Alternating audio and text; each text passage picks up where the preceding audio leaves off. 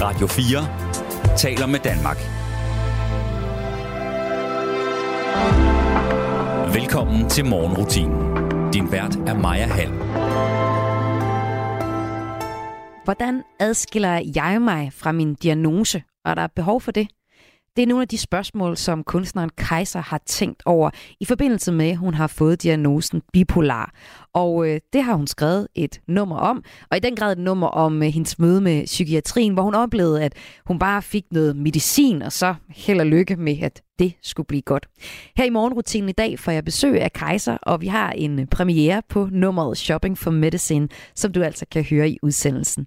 I dag er der også en række festivaler, der begynder, og dem kan du høre om sidst i udsendelsen. Husk, du altid kan sende en sms hen til mig i morgenrutinen. Du kan sende en sms til 1424, og jeg er særlig interesseret i at høre, hvem er dig, der er så tidligt op her om morgenen?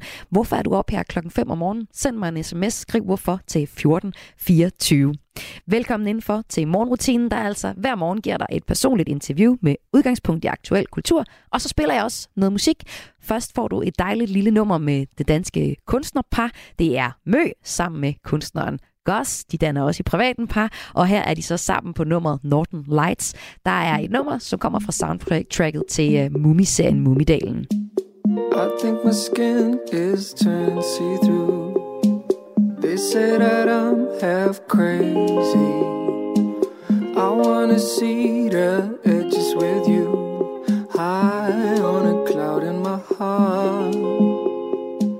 It feels like every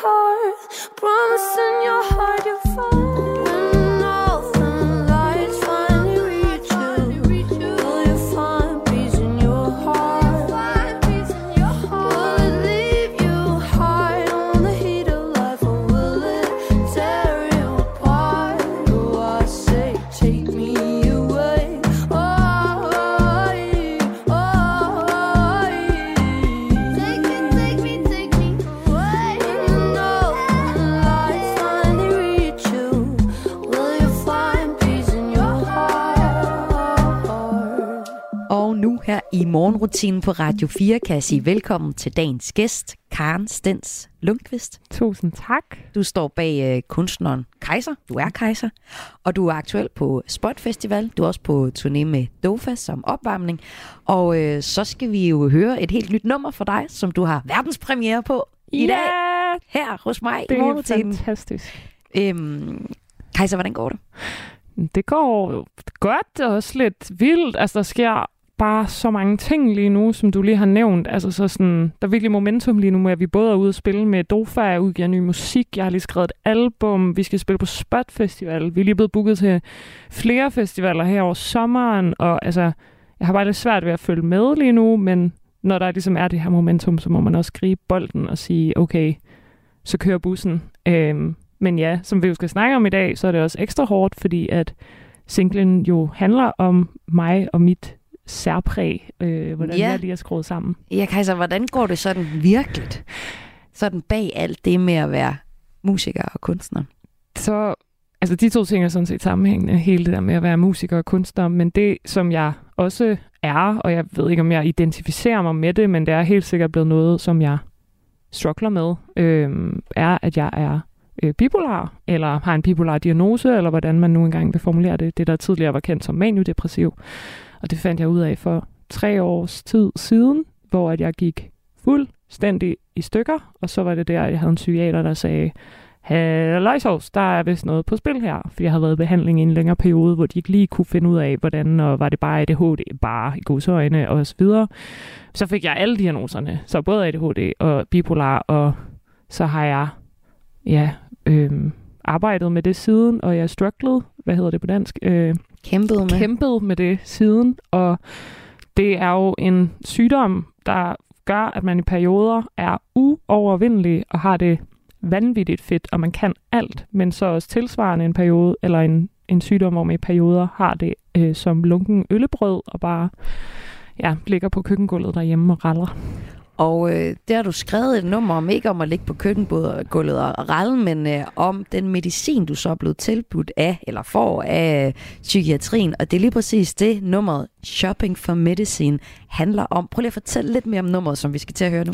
Ja, det var så et nummer, øh, som jeg skrev her for, det er faktisk allerede et års tid siden eller sådan noget. Og det var fordi, at jeg igen havde en rigtig skidt periode, øh, og, og fik det rigtig dårligt igen. Og jeg har også den type bipolar, der ligger, hvor man sådan ikke nødvendigvis har de der helt klassiske, sådan helt op og køre, og så helt ned og vende, men hvor jeg nærmest på daglig basis kan sådan, øh, altså ligger sådan, og kører op og ned.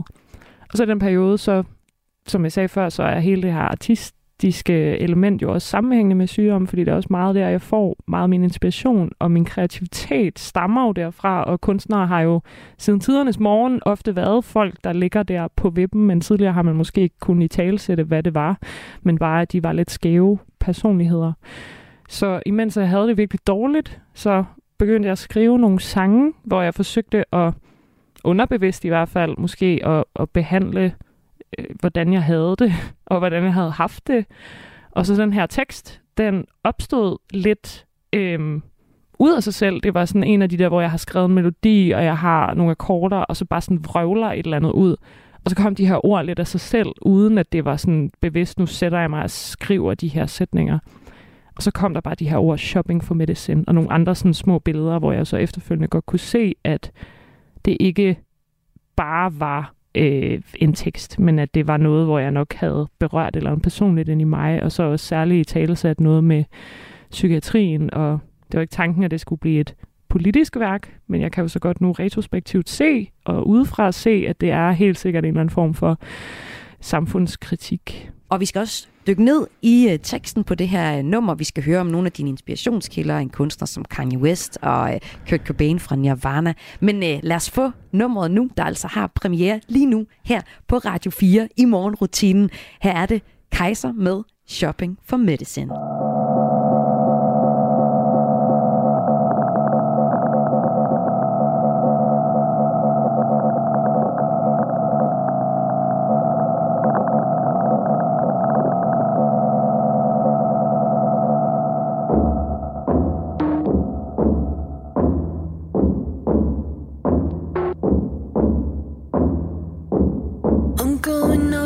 Shopping shopping for medicine.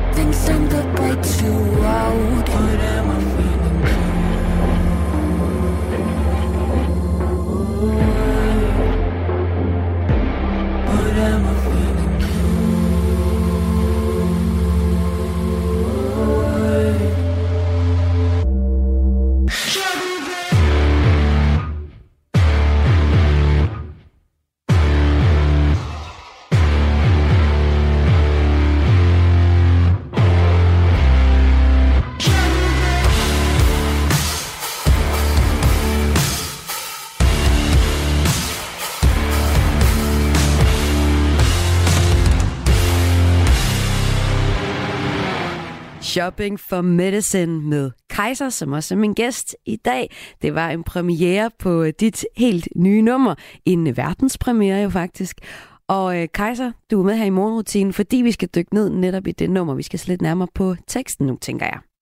Øhm, du lægger ud med en linje, der hedder Shopping for Medicine. Og det er simpelthen fordi, du beskriver det med at gå ud og købe medicin for din bipolare lidelse. Ja. Eller hvordan? Ja, det er det jo nok. Øh, som jeg fik nævnt før, men til de nye lyttere, så skrev jeg den her sang, imens jeg havde en dårlig periode. Jeg fandt ud af, at jeg var bipolar. Jeg fik ordineret en masse medicin og skulle... Og, og så får man ligesom recepten, og så går du ned og... Man får recepten. Det er sådan en løbende periode, men noget af det første, der sker ud i psykiatrien, det er bare, at de siger, her er nogle drugs, du kører bare. Lad os se, hvad der sker. Og de har ikke rigtig nogen anelse om, hvad det her medicin gør ved en. De ved ikke, om det har nogen veje men.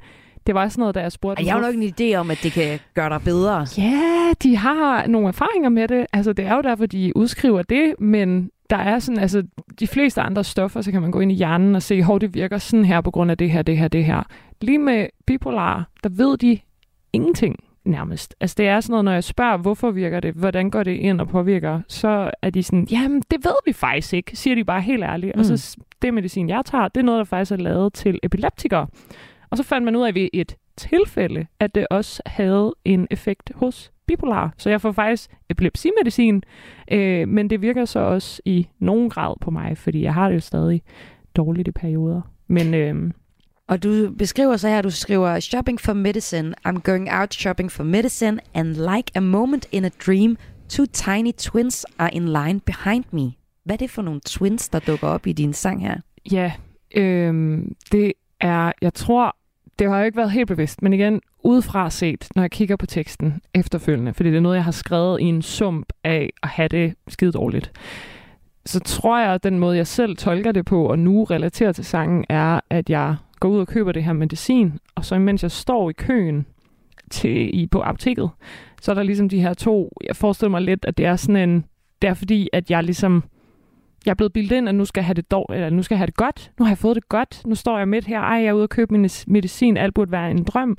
Men så bemærker jeg ligesom, at der står også nogle andre mennesker, og vi er lidt ens alle sammen, og så får det lidt sådan en, hvad kan man sige, biokratisk klang måske af, at staten bare er sådan, vi har det her, du bliver nødt til at være ligesom alle de andre, du bliver nødt til bare at få det bedre, der er ikke noget alternativ til den måde, du kan passe ind i samfundet på, og det er derfor, at de her two tiny, two tiny twins out to buy the same thing, er det her med, at de er nok også ude for at ja, købe noget lignende. Jeg tror, jeg føler, at det er sådan en... Jeg bare bliver proppet ned i en kasse på en eller anden måde. Og sådan, køb det her medicin, du får det bedre.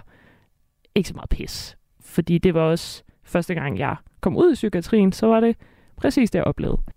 Hvis vi kigger lidt videre på den her tekst til Shopping for Medicine, som øh, har premiere her i morgenrutinen i dag, så øh, skriver du også i teksten, Cause now I'm feeling bored. Og det går også igen flere gange. Det er, at du får du ud og købe medicin, og så keder du dig. Ja. Hvad er det for en følelse, du beskriver? Eller hvorfor opstår den her følelse? Ja, det var fordi, at da jeg begyndte på det her medicin, så hele mit liv, altså har altid været og er stadig øh, enormt aktiv. Jeg er meget talende, jeg har sindssygt meget energi, og det er også der, min kreativitet og min kunst og musik og alt det der kommer fra.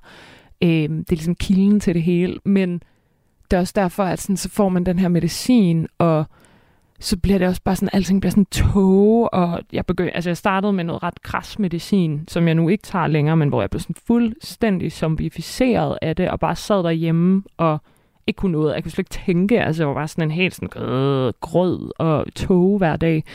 Øhm, og så tror jeg, det, det lidt var min måde på en eller anden måde at sige, at sådan, nu jeg ved ikke, sådan board har en lidt federe klang på engelsk, hvor at sådan kede sig ja. er, er lidt anderledes på dansk. Øh, der er nogle andre konnotationer dertil, men det her board, altså det er lidt sådan, det var lidt den her tog-følelse på en eller anden måde, eller hvordan, altså jeg savnede den her energi, jeg plejede at have, og kan også mærke stadigvæk i dag, at jeg savner den. Altså, den medicin, jeg tager nu, har lagt sådan et, låg på, at min oplevelse af lykke og glæde plejede at være sådan helt op under taget, og så nu har det ligesom sådan sænket den, sådan så at der det har lige fået sådan, øh, øh, hvad hedder det, filter på, øhm, så jeg skulle vende mig til, at min oplevelse af glæde og lykke, det er okay, at den ikke kommer helt op under taget, men altså, jeg, jeg kæmper stadig helt vildt meget med det der med, at jeg savner at være sådan, når jeg ligesom begyndte at blive glad, og jeg var sådan Super Mario, hvor det ligesom sagde, wup, wup, wup, og så ville jeg bare sådan være fuldstændig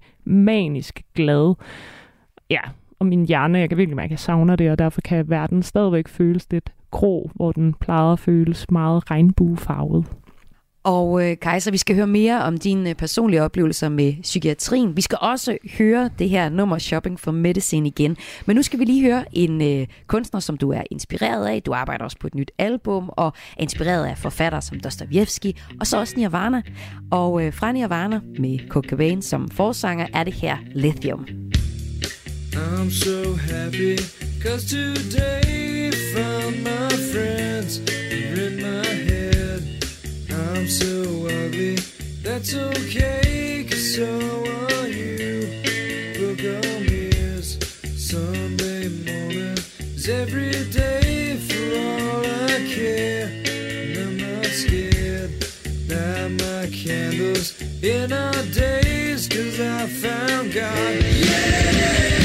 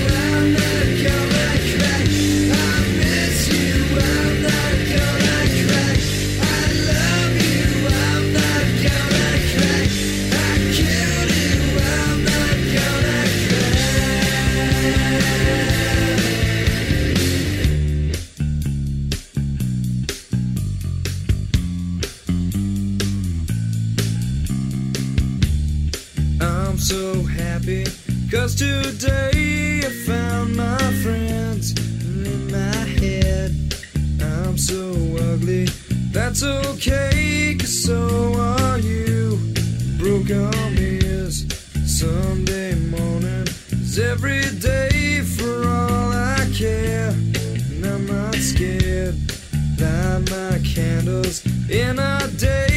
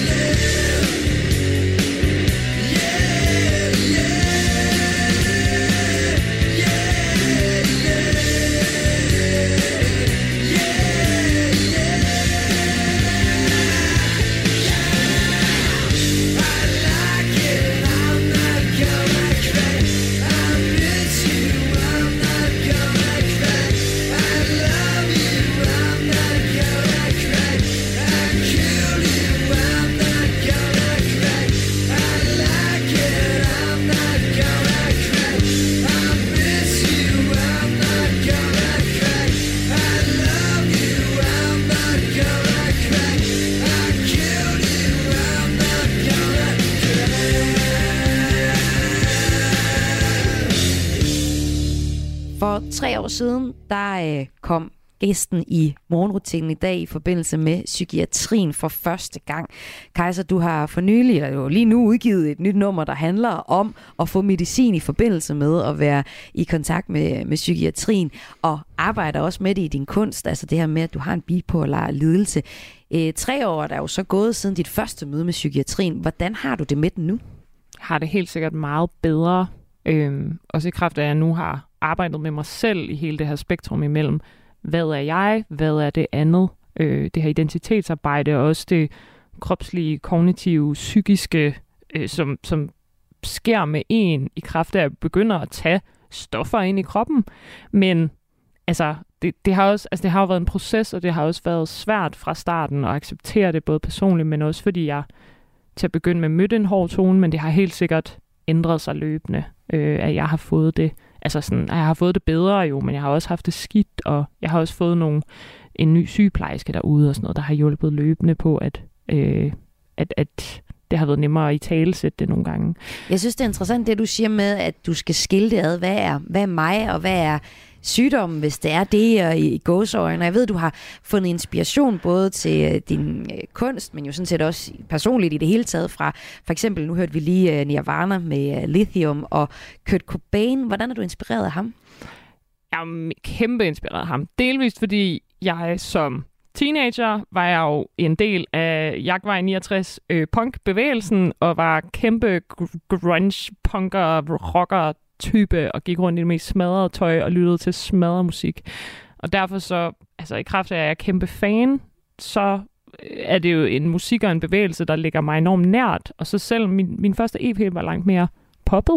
Og så kan det godt være, at jeg måske undervist nu i kraft af, at da jeg skulle skrive det nye album, har fundet tilbage til de der rødder, fordi at Kurt Cobain, Kurt Cobain jo nok øh, også fordi han skriver den sang, vi hørte før med lithium. Altså, det er et stof, lithium, som man får. Det er det mest primære, det normale i godsøjne, øh, stof, man får, øh, når man er bipolar. Men det kan godt være, at der er et eller andet i hans musik, fordi han jo også var bipolar, og også kæmpet med alle de her ting, at det har talt til mig nu, og jeg derfor ligesom har fundet Ja, hvordan tilbage. er det at have, at have fulgt det her band Nirvana, og så får diagnosen bipolar, og øh, øh, ja, hvordan er det i forhold til det? Jamen, jeg tror, det, altså, det har været enormt rart for mig at ligesom huske sådan, nå jo, Kurt Cobain var jo også bipolar. Altså, jeg havde slet ikke tænkt over det før. Altså, jeg vidste jo godt, hans, eller kendte jo til hans tragiske historie, og det var ligesom sådan en ting, man har talt om, men det var først, da jeg selv fik diagnosen af at vende tilbage til hans musik og lyttede til hans tekster og til hans angst og den der fantastiske nerve, som Nirvanas musik har. Og jeg tror, det var der, jeg ligesom begyndte at kunne identificere mig med det, og nok også har fundet stor inspiration til det i mit nye tekst- og lydunivers på mit eget nye album, der kommer Øh, Kajsa, du siger også, at øh, dine diagnoser, det også kan være en del af den kunst, du laver. Og så skriver du så nummeret her, Shopping for Medicine, om den medicin, der også skal gøre dig, du får det bedre, men det betyder også, at det lægger lidt låg på dine følelser. Er du bange for, at medicinen gør, at du ikke kan holde den nerve, som du beskriver, der er hos Kurt Cobain for eksempel? Ja, det er jeg. 100% men det er også, fordi jeg har oplevet det. Nu er det jo tre års tid, jeg har bearbejdet øh, medicinen og mig selv, og hvordan påvirker medicinen mig, hvad, som du sagde før, hvem er jeg, hvad er det andet, hvad er sygdom, hvad er bare mig, fordi al min kunst, al min øh, kreative nerve kommer, altså udspringer fra, at jeg er, som jeg er.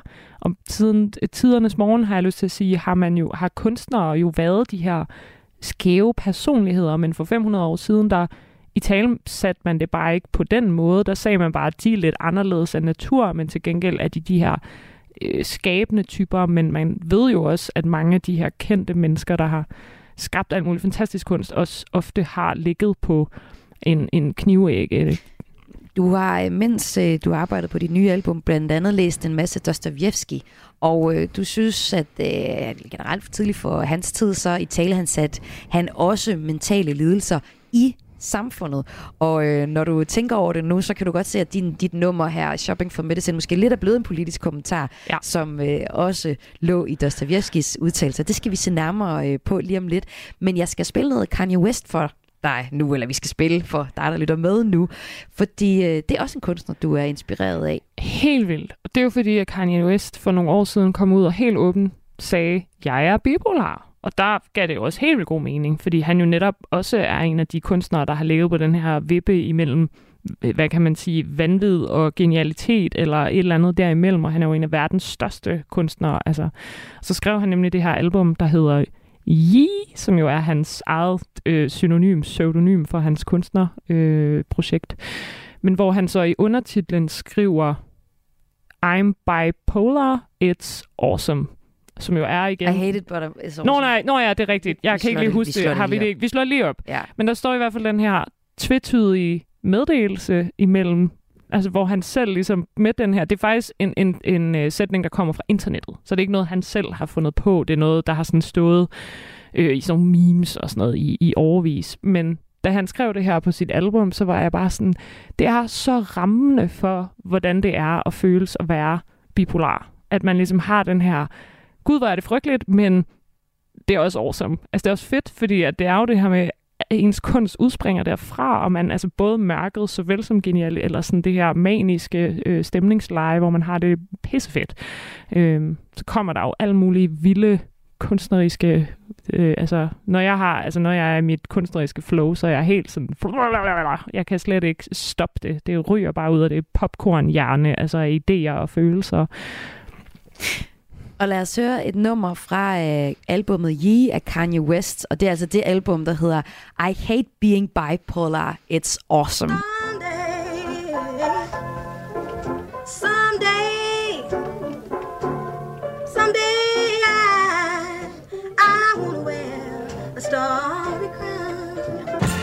Someday, someday, someday, I wanna lay down like God did Sunday, Sunday, Sundays. I remember these on Sunday. That way, yeah, way, way, that day. Uh, someday, I wanna everybody. Someday, I wanna hit the red dot and everybody. Someday, oh.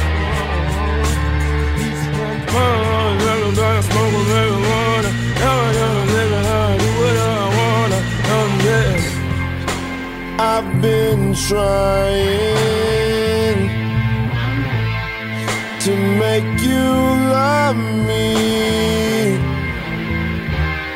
but everything I try just takes you further from me. Someday we gon' set it off. Someday we gon' get this off. Baby, don't you bet it all on the path of fentanyl. You might think they wrote you off. They gon' have to roll me off. Someday the drama be gone and. Sometimes I take all the shine. Talk like I drank all the wine. Years ahead, but way behind. I'm on one, two, three, four, five. No half truths, just naked minds. Caught between space and time. This now the word in mind, but maybe someday. I've been trying to make you love me. But everything I try just takes you further from me. Whoa. Once again, I am a child. I let go, go of everything that I know. Yeah, of everything that I know.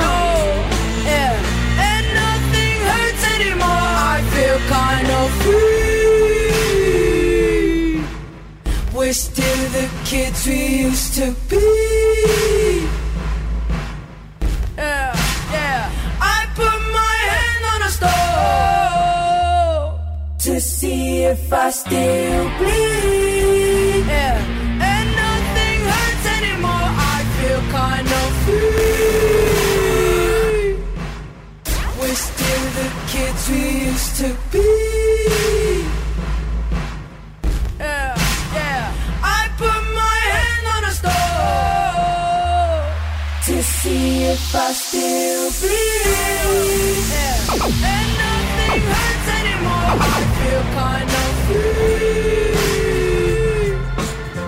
We're still the kids we used to be.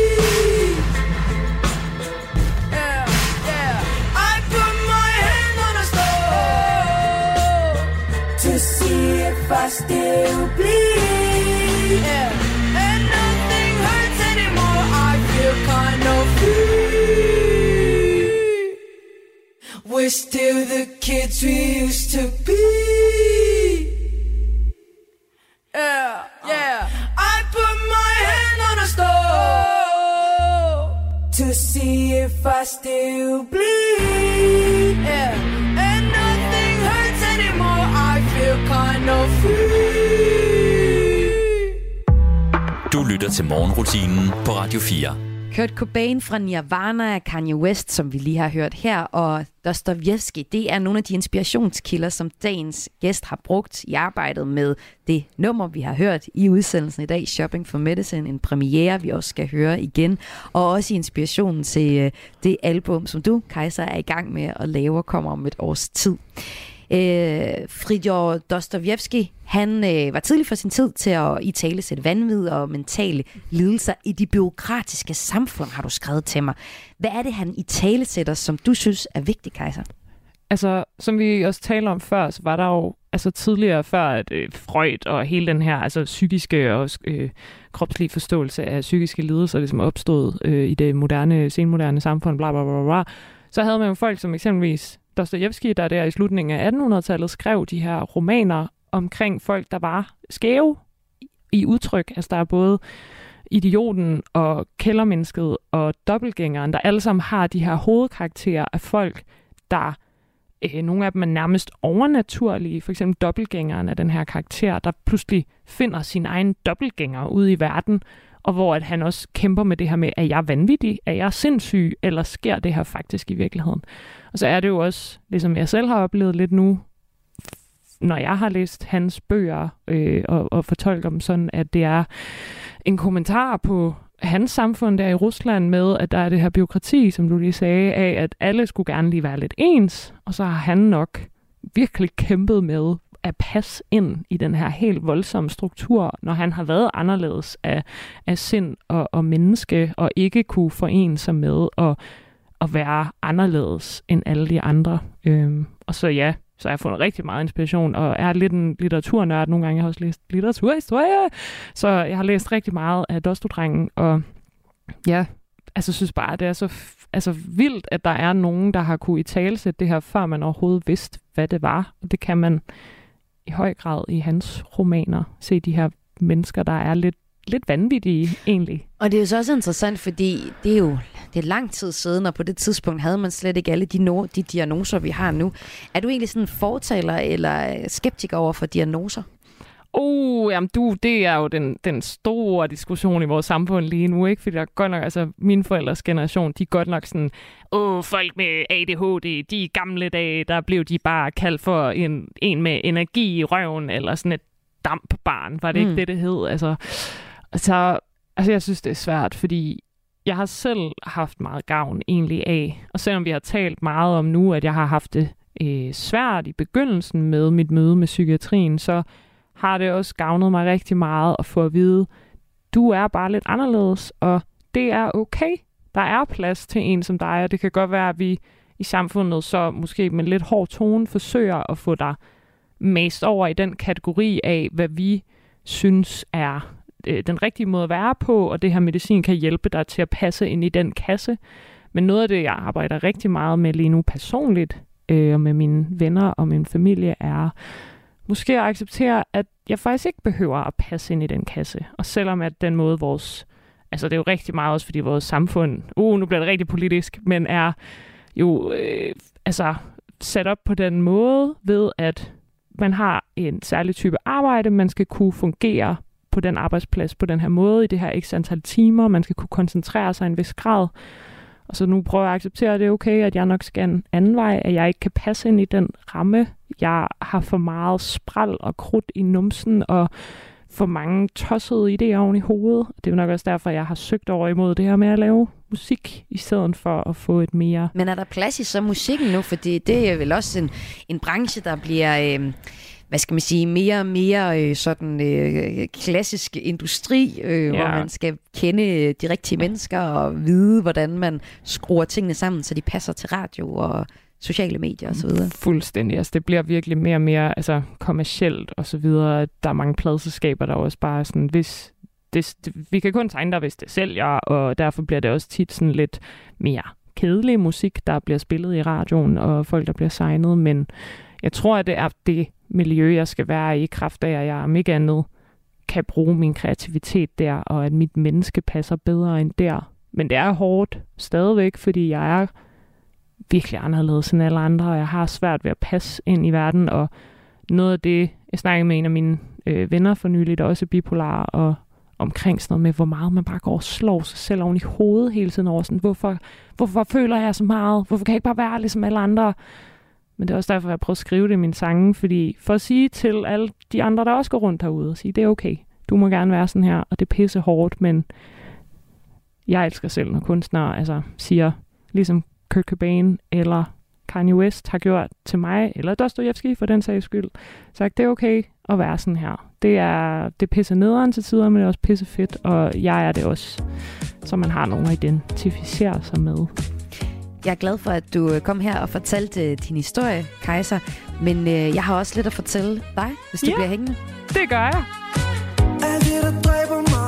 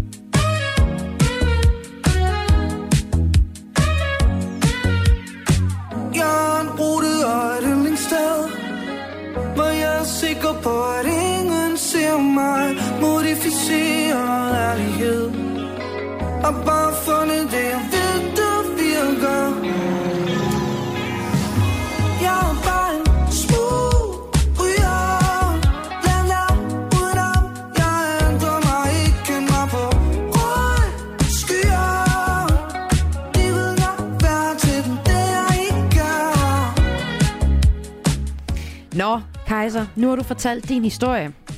Nu har jeg en bog her. En ordentlig en af slagsen. Slang Med på bordet. rigtig mange menneskers historie tilbage fra 1956 til 76. Uh. Det her, det er uh, Tove Ditlevsens brevkasse fra oh. Familiejournalen. elsker Tove Ditlevsen. Du elsker skole, Tove Ja. Ditlevsen. Hvorfor? Altså, jeg har bare læst øh, meget på litteraturhistorie selvfølgelig, men altså, hun er en kæmpe frontfigur. Mm. Øh, selvfølgelig også den fantastiske kommentar fra Blinkende Lygter, som alle, alle kender. Ove Ditlevsen. Danmarks øh, bedste digt. Nej, hvad det, han siger? Jeg kan ikke huske det. Et eller andet rigtig sjovt. Det, det finder vi. Men altså her i uh, Små Hverdagsproblemer, der er uh, samlet alle de spørgsmål, der er blevet skrevet til Tove Ditlevsen, mens hun var brevkasseskribent for Familiejournalen.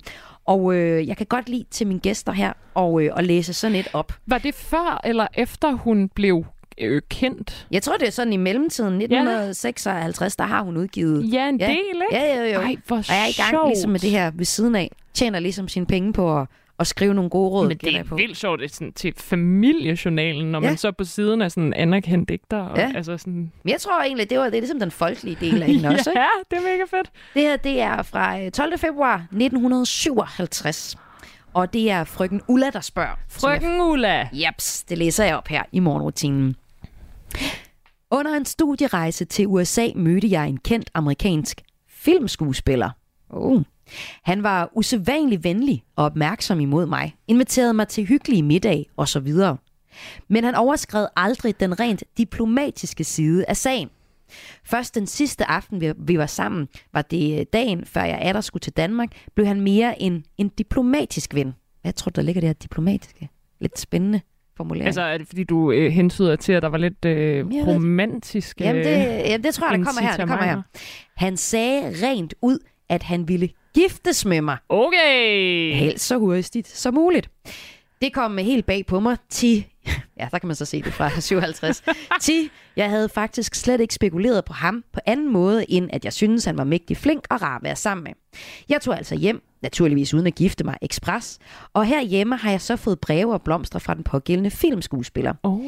Egentlig havde jeg aldrig troet, at han var nogen stor stjerne, men nu opdager jeg til min forbløffelse, at han er en af de unge skuespillere, som man regner mest med i USA. What? Hvem må det er? Ja, hvem må det er? Mine følelser for ham kan jeg imidlertid ikke blive klar over, og jo flere breve og blomster han sender mig, desto mere usikker bliver jeg på mig selv. Han foreslår jeg, at jeg igen kommer til USA, fordi han på den måde mener, at vi er der kan mødes og finde ud af en klar afgørelse. Kunne han ikke lige tage til Danmark? Ja, det kunne man sige. Skal jeg rejse derover igen for at komme til klarhed over mine følelser? Ulla. Oh. Hvad tror du, øh, Tove Ditlevsen svarer? jeg, USA jeg, eller jeg tror, hun var en, en hæftig woman, så jeg tror, hun har sagt det samme som mig, og bare sagt, ved du hvad, Ulla, kan du ikke sige til manden, at han kan komme til Danmark? Øh, det der, det er fisballade. Det lader os se, hun svarer. Han, Ja, skriver. Tove Ditlevsen skriver her i 57 i familiejournalen. Kære frøken Ulla, i betragtning af, at de fleste unge piger, og ældre med forresten, vil blive svage i knæene og sløret i blikket af at være udsat for frieri, tilsendelse af breve og blomster, fra en af de unge filmskuespillere, man regner med i staterne, så hører de øjensynligt til den undtagelse, der bekræfter regl- reglen. Og hvis man i sådan et tilfælde er i tvivl om sine følelser, kan man roligt regne med, at de ikke har større bærekraft. Ja.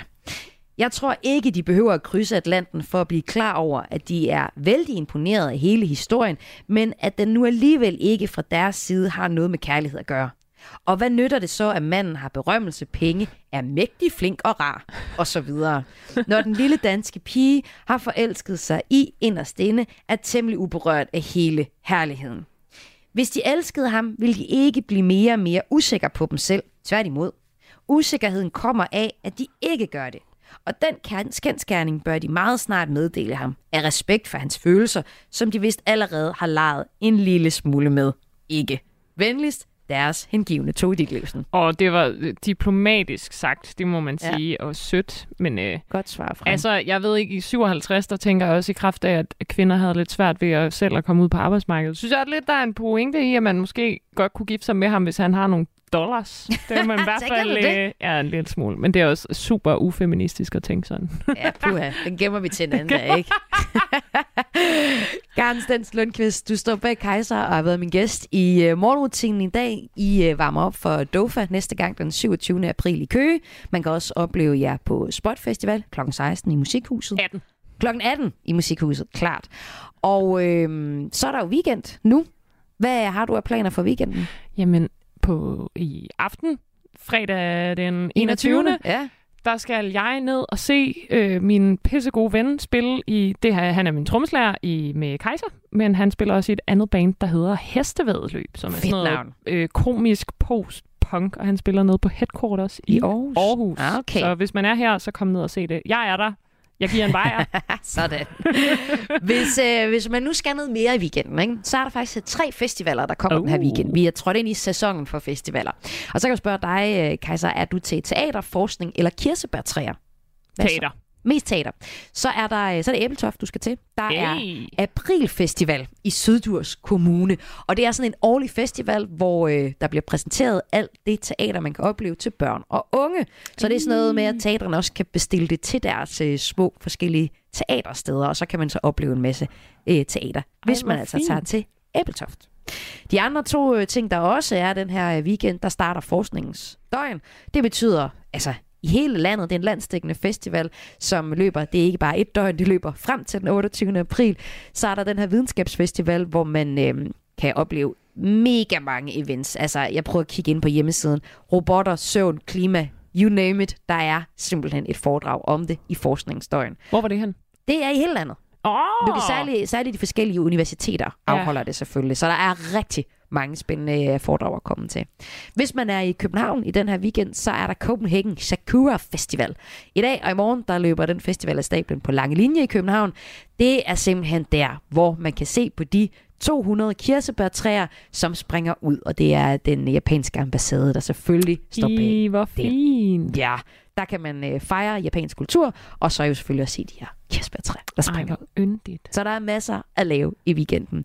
Og øh, til at øh, starte morgenen på denne fredag, der løber ind i weekenden, der synes jeg, at vi endnu en gang skal høre dit øh, nye nummer med Kaiser, Shopping for Medicine. Fedt! Tillykke med det. Tusind tak, og tak fordi jeg måtte komme, og for at du ville spille mit nummer i radioen og snakke med mig om det. Det har været så hyggeligt. Selv tak. Going out shopping for medicine. Like a moment in a dream. Two tiny twins are in line behind me. Out to buy the same thing. Cause now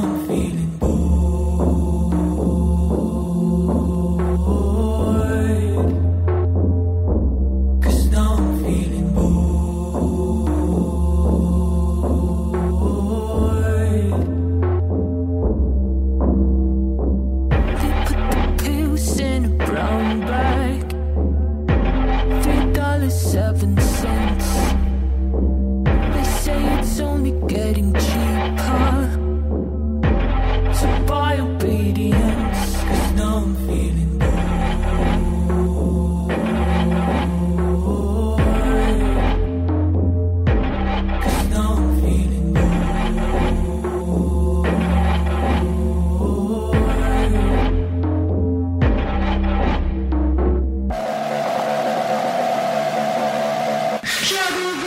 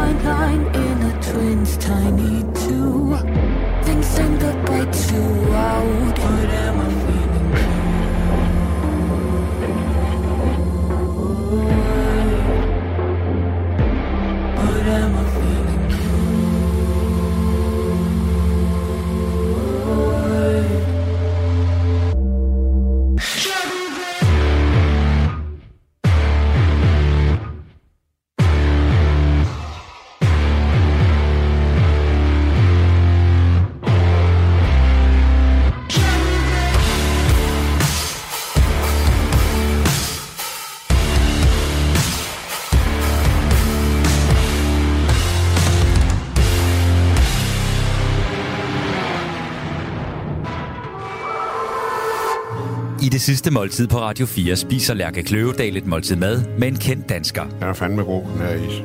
Har du mere? De taler om livet og døden, og sammen skriver de gæstens nekrolog. At være midt i en kærlighedsakt.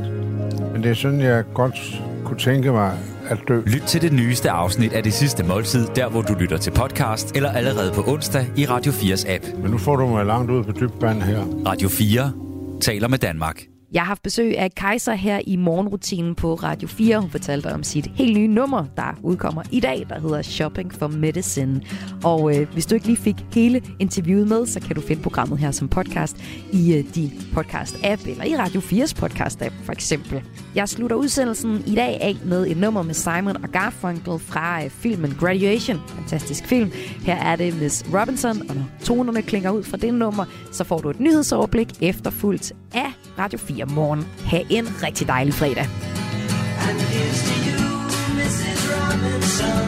Jesus loves you more than you will know. Whoa, whoa, whoa. God bless you, please, Mrs. Robinson. Heaven holds a place for those who pray.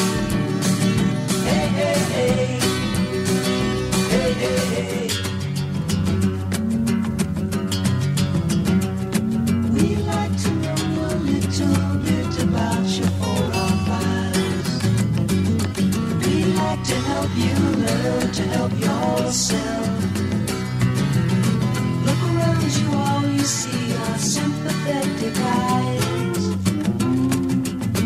Stroll around the grounds until you feel at home. And here's to you, Mrs. Robinson.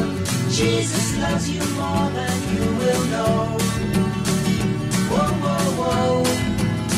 God bless you, please, Mrs. Robinson. Heaven holds a place for those